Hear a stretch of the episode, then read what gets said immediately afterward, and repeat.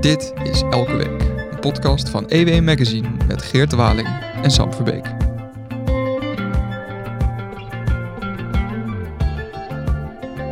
We naderen bijna het, het einde van 2023 en dat betekent dat we langzaam gaan terugblikken op eh, wat er dit jaar allemaal is gebeurd. Ehm, en eh, ik ga terugblikken met Carla Joosten. Dat doe ik niet alleen op 2023, maar eigenlijk op de afgelopen 10 jaar. Want we gaan het hebben over het Koningshuis. Hi Carla. Hey. Carla, jij schreef in 2006 het boek Koningshuis in een notendop. Ja, dat klopt. Ja. Heb je goed eh, gevonden? Ja, dat heb ik Was je nog toen al geboren? even opgezocht. ja, toen was, toen was ik wel geboren, maar ik heb het boek niet gelezen. Het stond niet op mijn lijst. Nee. Ehm, dat is inmiddels, eh, even kijken, nou, bijna 20 jaar geleden, 17 jaar geleden. Ehm, toen jij dat boek schreef, hoe stond het Koningshuis er eigenlijk toen voor ten opzichte van nu? Ehm, het was toen echt een gegeven. Het, het, het, het, zit in ons bestel. Het speelde ook een grote rol eigenlijk als het ging om politiek. En als het ging om nieuws over rouwen, trouwen, geboortes. Allemaal die dingen die mensen ook in hun eigen familie meemaken. Bijvoorbeeld eh, destijds prinses Juliana en prins Bernhard. Die, die steeds meer op leeftijd en die werden ziek. En Bernhard die had al 50 operaties ondergaan in zijn hele leven. En die was daar ook heel trots op dat zijn buik vol littekens stond. Dat was een, een, een figuur die bij iedereen bekend was. En ehm, die, die zorgde ook altijd weer voor nieuws. Eh, zelfs als, je, als er eigenlijk niet veel te melden was, bij wijze van spreken. Dan was er een kwestie eh, die in een supermarkt speelde. Ik weet eigenlijk niet meer precies waar het over ging. Maar dan belde hij gewoon die supermarkt en dan eh, zei hij: Ik betaal die boete wel voor die meneer of zo. Weet je wel. En dat stond dan op de voorpagina van de Telegraaf. En dan, eh, ja, dan, dan kwam je naar boven wat voor een type prins Bernhard, de echtgenoot van prinses Juliana, de voormalig vorstin was. Dus het, eh, het was eigenlijk een, een, een, een voortdurende, ehm, nou ik zou bijna zeggen, show van, van gebeurtenissen. Die... Bijna zo'n reality show. nou, nu het zo zegt, ja. Maar dan in het eh, In papier. eh, niet gescript. Nee, niet gescript, nee, natuurlijk. En eh, hè, we, gaan, we gaan nu langzaam een beetje eh, terugkijken naar hoe de afgelopen tien jaar van Willem-Alexander zijn ge- geweest. Ik heb het al eh, een paar keer eerder ook, eh, ook besproken met eh, bijvoorbeeld eh, onze hoofdredacteur Arena jo Arendo Joostra. Ehm, want ehm, de koning die heeft dit jaar zelf ook teruggekeken op zijn afgelopen tien jaar in eh, de podcast die hij gemaakt heeft. Heb je die zelf geluisterd? Ja, die heb ik natuurlijk allemaal eh, afgeluisterd. En wat vond je ervan? Nou, ik vond op zich vond ik het wel interessant, maar soms ook wel een beetje saai, moet ik eerlijk zeggen. Ja, ik heb het ook is- geluisterd. Ja, jij vond het, eh, hoe vond jij het dan?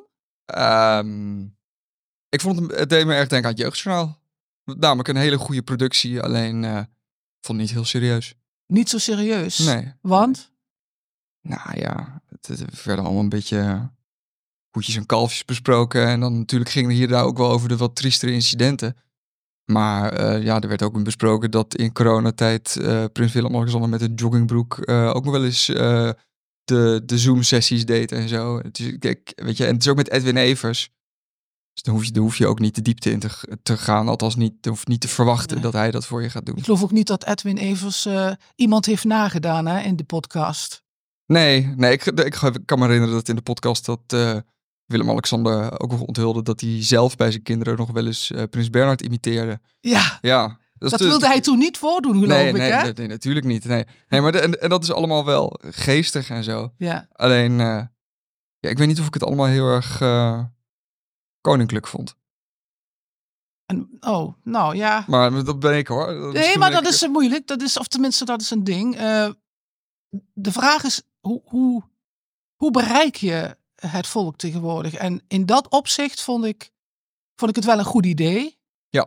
En eh, Edwin Evers dacht ik van, nou, die is eh, al niet meer de, de, de, de stoute disjockey die Prins Bernhard imiteert. Of eh, Johan Cruijff, geloof ik, en dergelijke. Nou ja, stout, dat ook maar niet natuurlijk. Maar goed, het, het was een veilige keuze. En eh, het was natuurlijk wel, dat was wel heel erg gescript. Daar ben ik van overtuigd. En, eh, Ja, die is, maar ik, ik, als iemand die zelf nog wel eens wat podcasts monteert, zie je ook dat die, dat die podcast echt helemaal kapot gemonteerd zijn. Oh, ik, ja. denk, ik, heb, ik vermoed dat ze nou, ongeveer eh, per, per aflevering ongeveer een uurtje, twee uurtjes aan het opnemen zijn. En dat reduceren ze dan tot 22 minuten. Ja. En dan wordt er ook nog, een, weet je wel, eh, per aflevering een eh, vraag gesteld door, de, hoe heet het ook weer, dat, dat kind. Nou ja, maakt niet uit. Prinses Amalia? Nee, nee, nee, dat, dat was gewoon een, een, kleuter. Oh, oh, zo, zeggen- ja, ja, ja. Weet Nee, je, dat dus- klopt, ja. Va- Vandaar het jeugdjournaal gehaald. eh, Ja, weet je ja. dus zo- Zo'n zo'n reportage. En, maar verder, ja, weet je, het is allemaal... Het, Ja. is, goed- het is slim dat hij het gedaan heeft, hoor. Ja. Want hij heeft ongetwijfeld... Dat vind jij ook, als, Ja. als jongere. Ja, Ja, ja. Nou ja, en ik vond het ook wel weer slim dat nu aan het einde van het jaar eh, van die podcast een boek is uitgekomen. Dus dat die teksten die hij daar heeft uitgesproken, dat dat nu allemaal zwart op wit staat, zodat mensen die ofwel geen podcast luisteren, ofwel eh, het eigenlijk niet eh, weer een beetje zijn vergeten, dat ze het nog eens kunnen naslaan zonder dat ze al die bandjes eh, hoeven af te luisteren. En ja, en ook dus, ja, wat ik net al zei, voor een eh, ouder publiek wellicht, hoewel die ook podcasts eh, luisteren. ja. Uh, enfin, eh, dat multimediale, dat, dat, dat vond ik echt heel goed. Dat, tenminste, toen, toen ging ik ook nadenken over, het is toch ook wat van zo'n eeuwenoud instituut, hè, meer dan twee eeuwen oud. Hoe, hoe profileer je je dan? ja.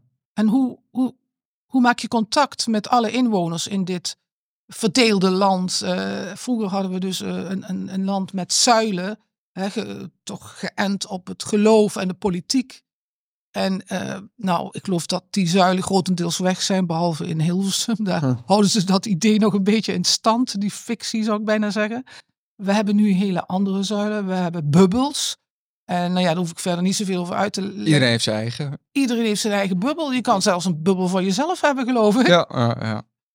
Eh, je zit de hele dag te gamen en je komt je de kamer niet uit. En je, hebt- je, zit toch, eh, je hebt toch het gevoel dat je meedoet in de wereld. Nou, dat, dat, heet, dat heet geloof ik individuali- individualisering, toch? Dat, dat, dat mensen gewoon niet meer met... eh, iets minder met de gemeenschap bezig zijn en iets meer met, met zichzelf. Ja, nou ja, goed. Dat, is, dat zou ik toch eigenlijk ook niet helemaal willen onderschrijven. Want er zijn Nee. heel veel mensen die, die in, onze, in ons land en in, in allerlei gemeenschappen dus ook vrijwilligerswerk doen en zo. Dat, dat, dat vergeten we wel eens. Maar ook dat is misschien een bubbel, maar een hele grote. En ik heb ook wel het idee dat die mensen wel bereikt worden. Ja. Dat zijn vaak de ouderen die ook televisie kijken. En, tv is, is altijd een heel belangrijk medium geweest. Hè, in de afgelopen decennia voor het Koninklijk Huis. Want zo kon je het hele, hele volk bereiken. Vroeger moest eh, eh, Emma, koningin Emma, moest met Wilhelmina, het, jonge koninginnetje, naar het Malieveld met de koets. Om daar eh, de sympathie van het volk eh, te, te, op te wekken. En, en eh, zelfs ook het land ingaan om, om Wilhelmina voor te stellen. Dus wat een organisatie moet dat geweest zijn in die tijd. Oh, ik zie ze echt al met die koets door het land trekken. Nou, ik geloof dat, we, dat er toen ook al auto's waren. Maar eh, En dan ja. zo'n onthulling van, nou, daar is ze. Daar is ze, ja. En wa- waren natuurlijk eh, nog niet zoveel foto's en zo. En eh, laat staan bewegende beelden. Dat kwam toen allemaal op. Eh, dus, dus het ging allemaal anders, langzamer ook. eh. En, maar goed, ik geloof niet dat de band er toen al was hoor. Tussen, tussen de Oranjes en de bevolking.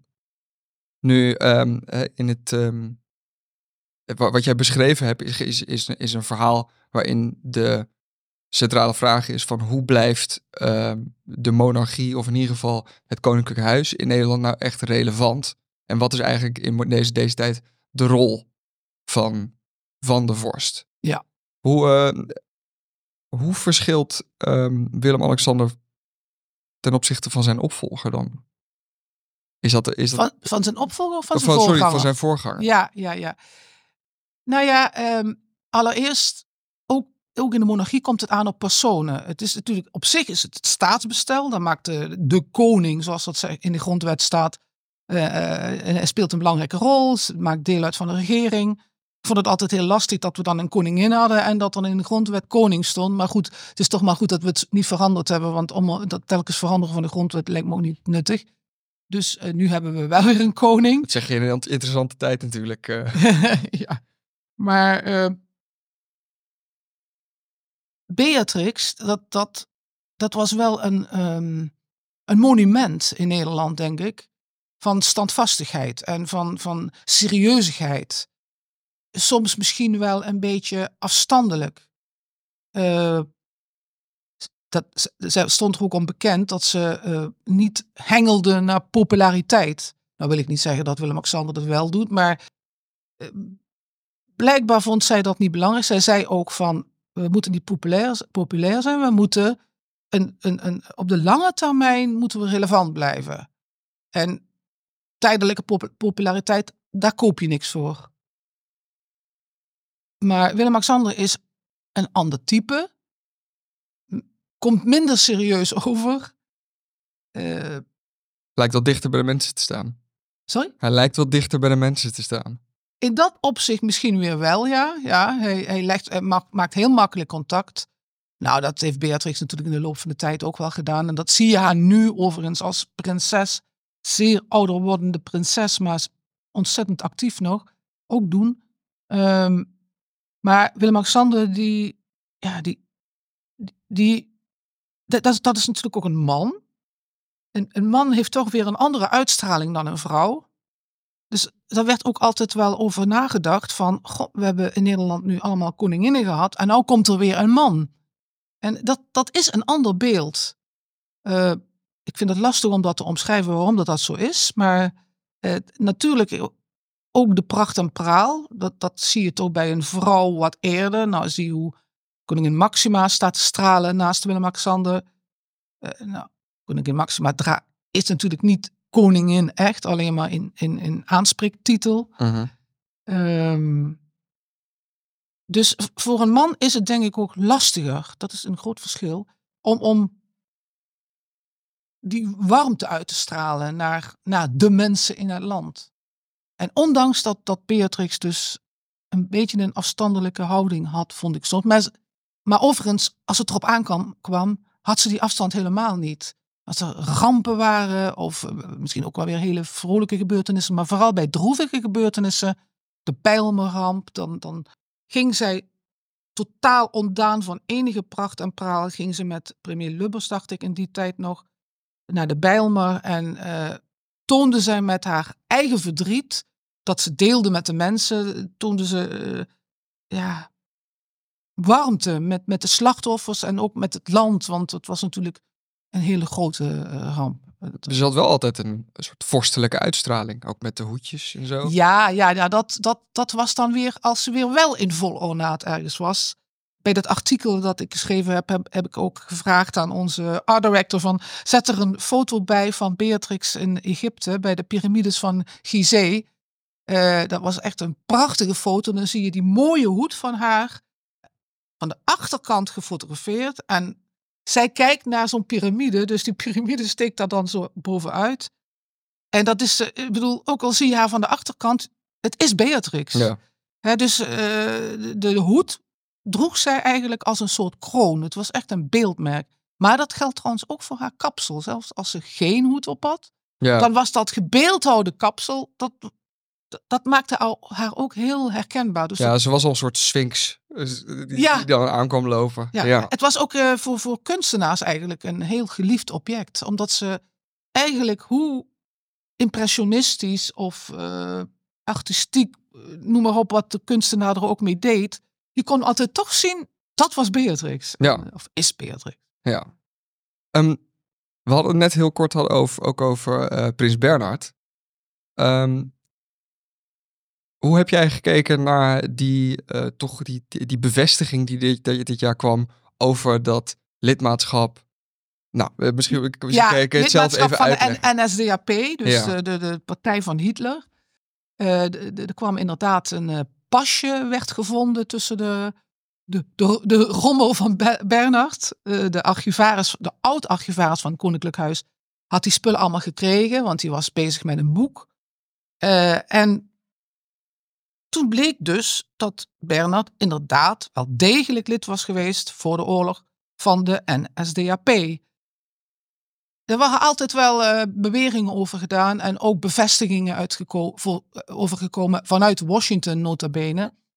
Uh, door Nederlandse historici geopenbaard. En, maar het was toch nooit 100%. Tenminste, maar goed, laat ik zeggen, ik ben er altijd vanuit gegaan dat het wel klopte. Hoewel Bernard het ontkende. Maar ja, Bernard, dat was sowieso een beetje een figuur die fladderde door het leven. Zo was hij ook ooit het koninklijk huis binnengefladderd. Weliswaar was het begonnen ergens op een berg in, dacht, in Zwitserland, als ik het goed onthouden heb. Misschien wel Oostenrijk. Ehm, dus het, ik vond het eigenlijk helemaal geen nieuws. En toen, dat zette me heel erg aan denken, toen bleek eigenlijk dat dat in die dagen, een paar maanden geleden, dat het heel groot nieuws was. En ik besefte toen van, oh ja, er zijn nu natuurlijk, want Bernard was al, eh, is al bijna twintig jaar dood, dat heel veel mensen dat, dat verhaal niet hebben gekend. Zeker niet de jongeren, die, die, die hebben misschien überhaupt nog nooit van Bernard gehoord. Want de kennis van de staatsinrichting, laat staan van de koninklijke familie, is volgens mij niet zo groot in Nederland. Uh, vraag me niet hoe dat komt, maar uh, misschien heeft het iets met onderwijs te maken. Maar goed, ik wil niet alles op het bordje van het onderwijs gooien, die hebben het al zo moeilijk. Uh, dus toen dacht ik van, oh ja, dat collectieve geheugen, dat verdwijnt op een gegeven moment ook als je het niet onderhoudt. Dan wil ik niet zeggen dat de geschiedenis van Bernhard, de voorgeschiedenis, hè, voordat hij de, de, de, echtgenoot van de Nederlandse kroonprinses toen nog werd, van zo groot belang is. Maar toch is het een element wat in de geschiedenis van de monarchie een rol speelt. Ja. Zeker omdat Bernhard ook heel oud is geworden en in allerlei stadia ook een belangrijke rol heeft vervuld. Hij, hij wordt nog steeds gezien als een held bij de veteranen. De, de, de, Tweede Wereldoorlog, daar is hij nauw mee verbonden. En dan niet meer vanwege de Hitlerpartij, maar vanwege uh, zijn rol die hij vooral ook in Londen heeft gespeeld als steun en toeverlaat voor Wilhelmina. Maar ook later, uh, na de oorlog, uh, waarin hij eigenlijk langzaam uitgroeide tot een soort oorlogsheld die gekoesterd werd door de door mannen de grotendeels en een paar vrouwen die in de oorlog gevochten hadden. Ja, ja of in het verzet hadden gezeten. Dus, dus ja, hij was, is wel een belangrijk figuur in de, in de geschiedenis. En ik weet niet hoe, of jij hem um, op een of andere manier kende. Ik heb uh, um, toen Bernard nog leefde, heb ik hem, heb ik hem niet echt meegemaakt. Ik denk dat hij is overleden toen ik gewoon nog een beetje te jong was. Ja. Um, en uh, in ieder geval niet oud genoeg was om me, om me te interesseren in hem als figuur. Later merk je dat het de enige eh, figuur is die echt eh, ontzettend interessant is in de afgelopen jaren eh, van het Koningshuis. Dus ik wist, ik wist het wel al. Maar toen het nieuws um, uh, opnieuw naar boven kwam, toen heb ik het ook wel met de mensen in mijn bubbel heb ik het besproken. En daar was toch wel wel redelijk wat, wat verontwaardiging was erover. Ja, nou ja, dat bedoel ik, omdat het nieuws was voor hun. Ja. En als ze hadden geweten dat, dat Bernard uh, een, een, hele geschiedenis met zich meedroeg, dan waren ze niet uh, verbaasd geweest. Zelf uh, heeft Bernard altijd gezegd: ehm, Ik vind het prima als ze me later na mijn dood een deugniet noemen. Maar ik hoop niet dat ze zeggen: Hij deugde niet. en dat is ook heel typerend voor hem. Weet je wel, hij... Goeie quote. Ja, heel goede quote, ja. Maar het, uh, uh, ik, ik heb ook vrienden heb ik, uh, wel, wel aangeraden om, ik geloof dat er een goede, goede productie van Videoland, die hebben een tweedelige documentaire over Bernard hebben die, hebben die gemaakt. Ja. Met, met alle, nou ja, goede en, en slechte kanten aan. En die hebben, die, veel hebben die toch wel even gekeken en die hebben, die hebben daar enorm van genoten. Ja, dus, ja. Uh, de jongeren ook. Ja, ja, dus aan de, aan de ene kant was er dan eerst was er die verontwaardiging van wat. En aan de andere kant is het er ook van... Ja, ja. ja. Misschien, ja, is het, misschien is dat ook die invloed van uh, dat Netflix met The Crown en... Ja, zeker. Uh, zeker. Dat, ja, nee, dat... ik heb zelf wel eens een, een, een klein scenario geschreven over een soort Nederlandse Crown. Maar dat was meer voor een artikel. Maar ik, in EW. Maar ik denk altijd van, oh, we zouden het best kunnen doen in Nederland. En inderdaad, die serie van Videoland was hartstikke leuk. En wij hebben daar ook toen ook over geschreven. Uh, en, en dat soort dingen, ja, die, die, zeker omdat mensen heel veel streamen de, tegenwoordig, is dat toch weer een manier om een groter publiek te bereiken. Zoals jij nou zegt, van, daar hebben jongeren naar gekeken. Ja. Die hebben toen ontdekt wat voor een, een deugniet die uh, Bernard was. Ja, kijk, ik, ik kan me voorstellen dat dat het Britse Koningshuis helemaal niet zo blij is met de crown. Uh, dat hij, of althans, een beetje aan de ene kant zitten van, nou ja, nu, nu word ik hier zo afgeschilderd. Aan de andere kant, het, het is wel goed voor een soort van de, de binding Ja. eh, die mensen hebben. Het is toch het Ja, ik denk dat ze wel blij zijn hoor. Maar dat ze natuurlijk, ja, bepaalde elementen hadden ze liever anders te zien. Alles slecht, slecht nieuws, dat wil je liever niet natuurlijk. Dat Nee. heeft iedereen. Dat, eh, maar goed, dit, dit, dit, eh, dit soort dingen die zijn inderdaad goed voor de binding. En ik moet het altijd weer eventjes eh, oplezen. Het volk samenbinden, het land vertegenwoordigen en zijn inwoners aanmoedigen. Dat is eigenlijk wat een koning tegenwoordig moet doen. Of tenminste, dat vond eh, Willem-Alexander toen hij eh, ingehuldigd werd. En dat was op zich, het een hele mooie vondst. Want hij formuleerde eigenlijk wat het motto voor zijn eh, koningschap zou worden. Dus daar kunnen we hem ook op afrekenen. En eh, de vraag is nu dus, dat, kijk, dat land vertegenwoordigen, dat lukt prima. Ja. Hè, dat doet hij ook op eh, staatsbezoeken. Deze week, nu we dit opnemen, waren de president van Korea en zijn echtgenote in Nederland. En ik zag vanochtend nog een foto op de Dam. Prachtig. Dus dat, dat, dat is geen probleem. Eh, en ik denk Dat, ik denk dat hij de inwoners ook prima kan aanmoedigen. Ja, is dat zo? Ja, Ja. ik zit daarover.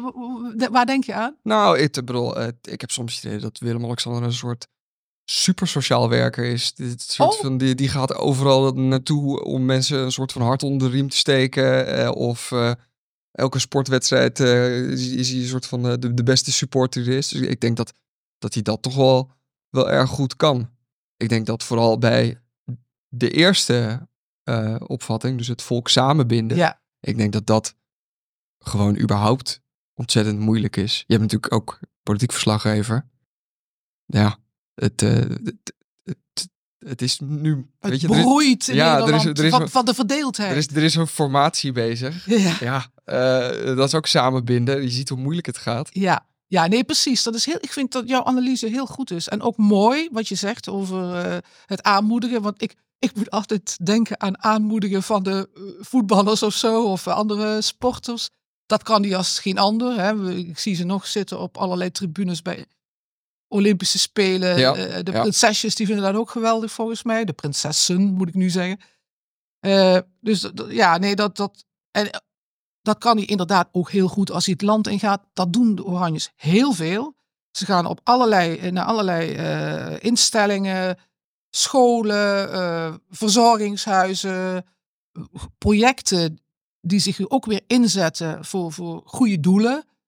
En, maar goed, en dat heb ik dus wel bedacht. Dat kwam eigenlijk toen die podcast werd uitgegeven in een boek. Toen dacht ik, oh ja, dat is goed, want dan bereik je weer hè, wat meer mensen. En toen ging ik denken van, ja, dat is wel een issue. Hoe bereik je iedereen nog tegenwoordig? Omdat heel veel mensen geen tv meer kijken. En dan bedoel ik natuurlijk vooral jongeren. Eh, het is niet meer zo dat we met Nee. z'n vijf miljoen eh, eh, samen naar eh Koninginnedag kijken of zo. Ik weet niet of het... Of de kersttoespraak die er weer aankomt. Nee, dat is ook geen hit, geloof ik. Misschien moet hij ook eh, op een andere manier ge- ge- geuit worden nog. Wat zou jij suggereren? Dus, m- meer verstand hebben van eh, nieuwe media? Ehm, nou, dat zou ik echt, echt even nog zo, zo snel niet weten. nee, nee, oké. Kijk, het, nou, het, ik, ik denk dat het, het spanningsveld eh, met, eh ehm, met Koningshuizen is dat aan de ene kant moet je vorstelijk zijn en dus een beetje afstandelijk zijn, maar je, je wil je niet vervreemden. Dus, dat, dan dus als jij de hele tijd eh, eh, reels gaat doen op Instagram en TikTok filmpjes gaat maken en zo, ja, dan ben je gewoon natuurlijk helemaal hetzelfde als die miljoenen andere gebruikers die daarop zitten. ja, en als dan wil je zeker een soort influencer zijn of zo. Of, eh, Ja, precies. Weet en je, daar kom je toch nooit tussen. Hè? Dan- Dus, dan, dan eigenlijk dan, dan daal je af van je paleis om te gaan, te gaan worstelen in een soort modderpartij met mensen die dat al die dat veel beter kunnen dan jij. ja. Die er al heel succesvol in zijn. Nee, oké. Maar dus, kijk. Maar er is wel een, een, een echt probleem, denk ik. Eh, nou, even serieus. De populariteitscijfers dalen. Op Prinsjesdag heb ik nu al voor. Nou, men, heb ik al twee keer gezien, maar met name afgelopen jaar. Dat de belangstelling in Den Haag vrij klein is. Nou was het weer ook slecht. eh, Het dreigde flink te gaan regenen en zo. Maar, dus dat speelt ook allemaal een rol. Eh, Prinsjes, eh, er zitten nog meer oorzaken, maar daar hoeven we nou niet over uit te wijden. Maar dat zijn wel dingen waar, waar je je als koningshuis ja, toch even van bewust moet zijn. Ja. Want je hebt wel, je, je moet je rol vasthouden. Je hoeft heus niet eh, ontzettend populair te zijn. Dat ben ik echt wel met Beatrix eens.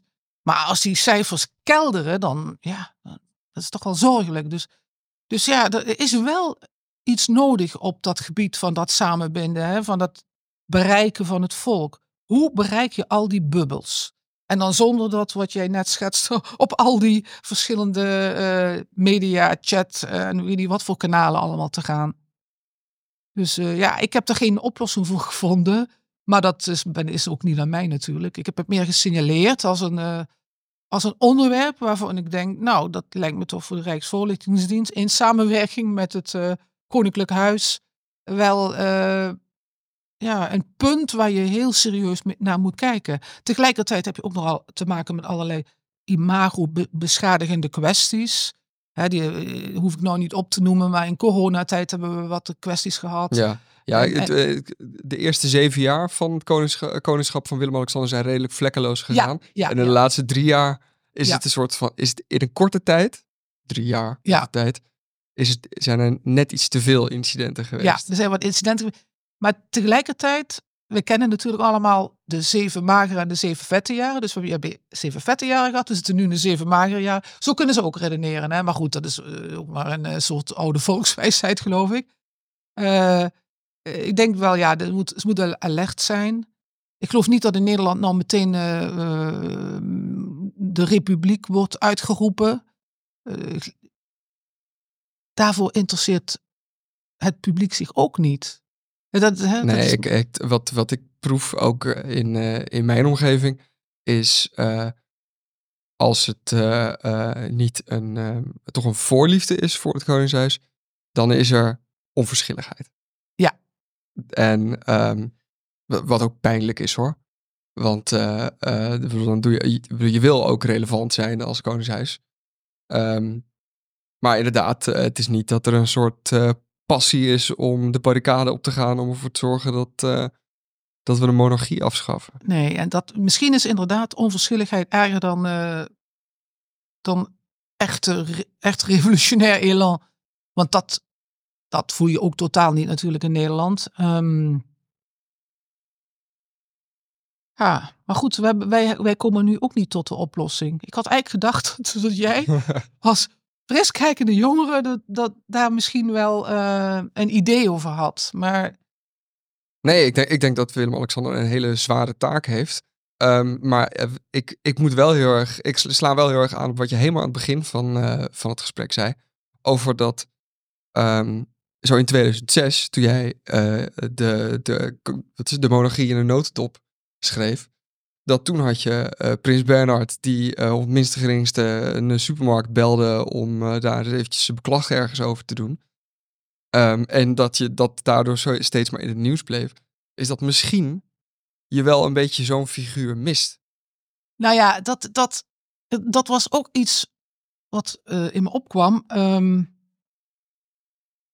de, de vorige generatie bestond uit allerlei karakters, echt. Hè? Juliana was echt oma. Ja, Eh, Dat, dat, een soort archetypes. ja, ja, ja. En nu is het allemaal wat. Het, de leden van de, van de familie lijk, lijken eigenlijk allemaal op ons.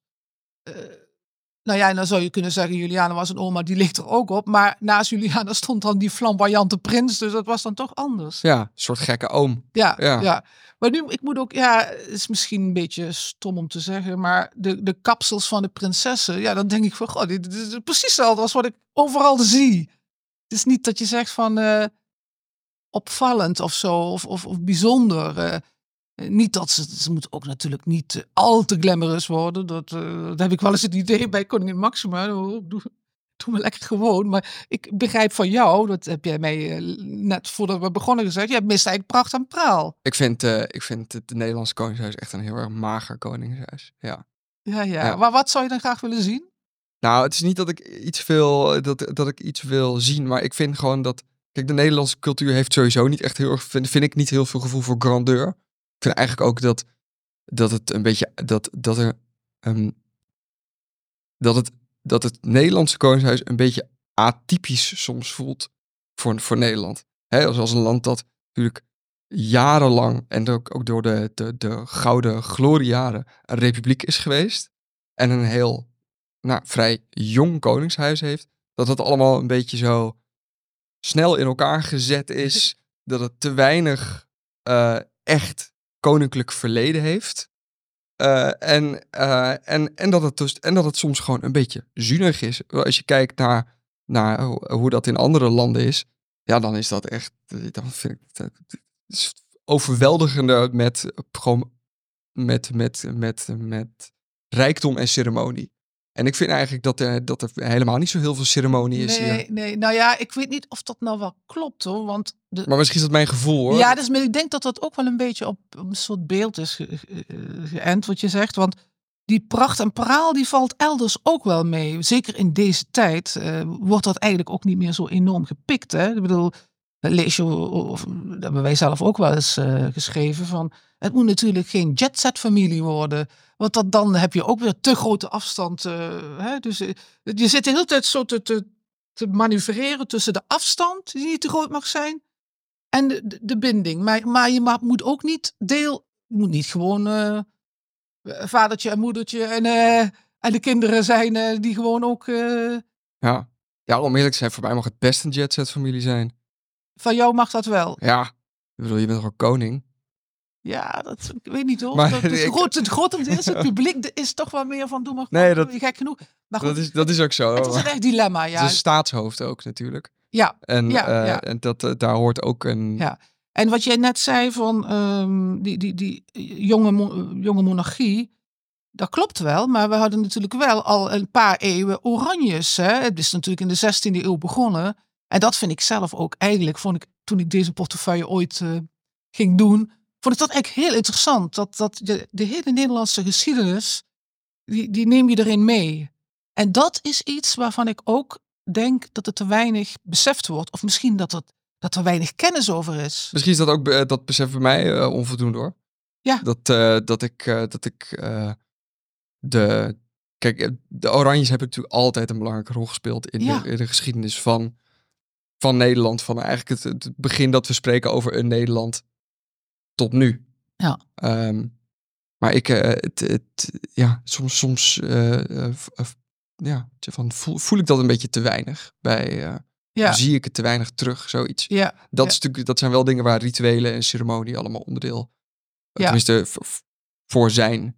Ja. Dus misschien is, moet er een manier zijn om dat gewoon maar te gaan doen of zo. Kijk, Sorry? Misschien is, dat, misschien, is, misschien is dat er een manier om dat terug te brengen. Weet je, rituelen en ceremonies zijn ook gewoon maar verzonnen tradities. Ja, je Dus bedoelt, dan- misschien kunnen we een nieuwe verzinnen. Nou, Ja, laten je- wij nog eh, als tot slot nog eventjes een nieuwe, Een nieuwe traditie verzinnen. Nou, iets wat later een traditie zal blijken te zijn. Nou, 2024. Ja, ja, ja, ja. Nou, dat eh, kunnen we ook in het nieuwe jaar gaan verzinnen. Dan gaan we het eh, daarbij laten, Carla. Ik wil je heel erg bedanken. En eh, we spreken je snel weer. Dit was Elke Week. Een podcast van EW Magazine met Geert de Waling en mij, Sam Verbeek. Zoals elke week kan je de besproken artikelen ook vinden in onze show notes. Voor dit een leuke podcast? Abonneer je dan en laat een leuke review achter. Heb je vragen of opmerkingen? Geert kan je op Twitter vinden onder Geert Waling. Ik ben op Twitter te vinden onder SamWV.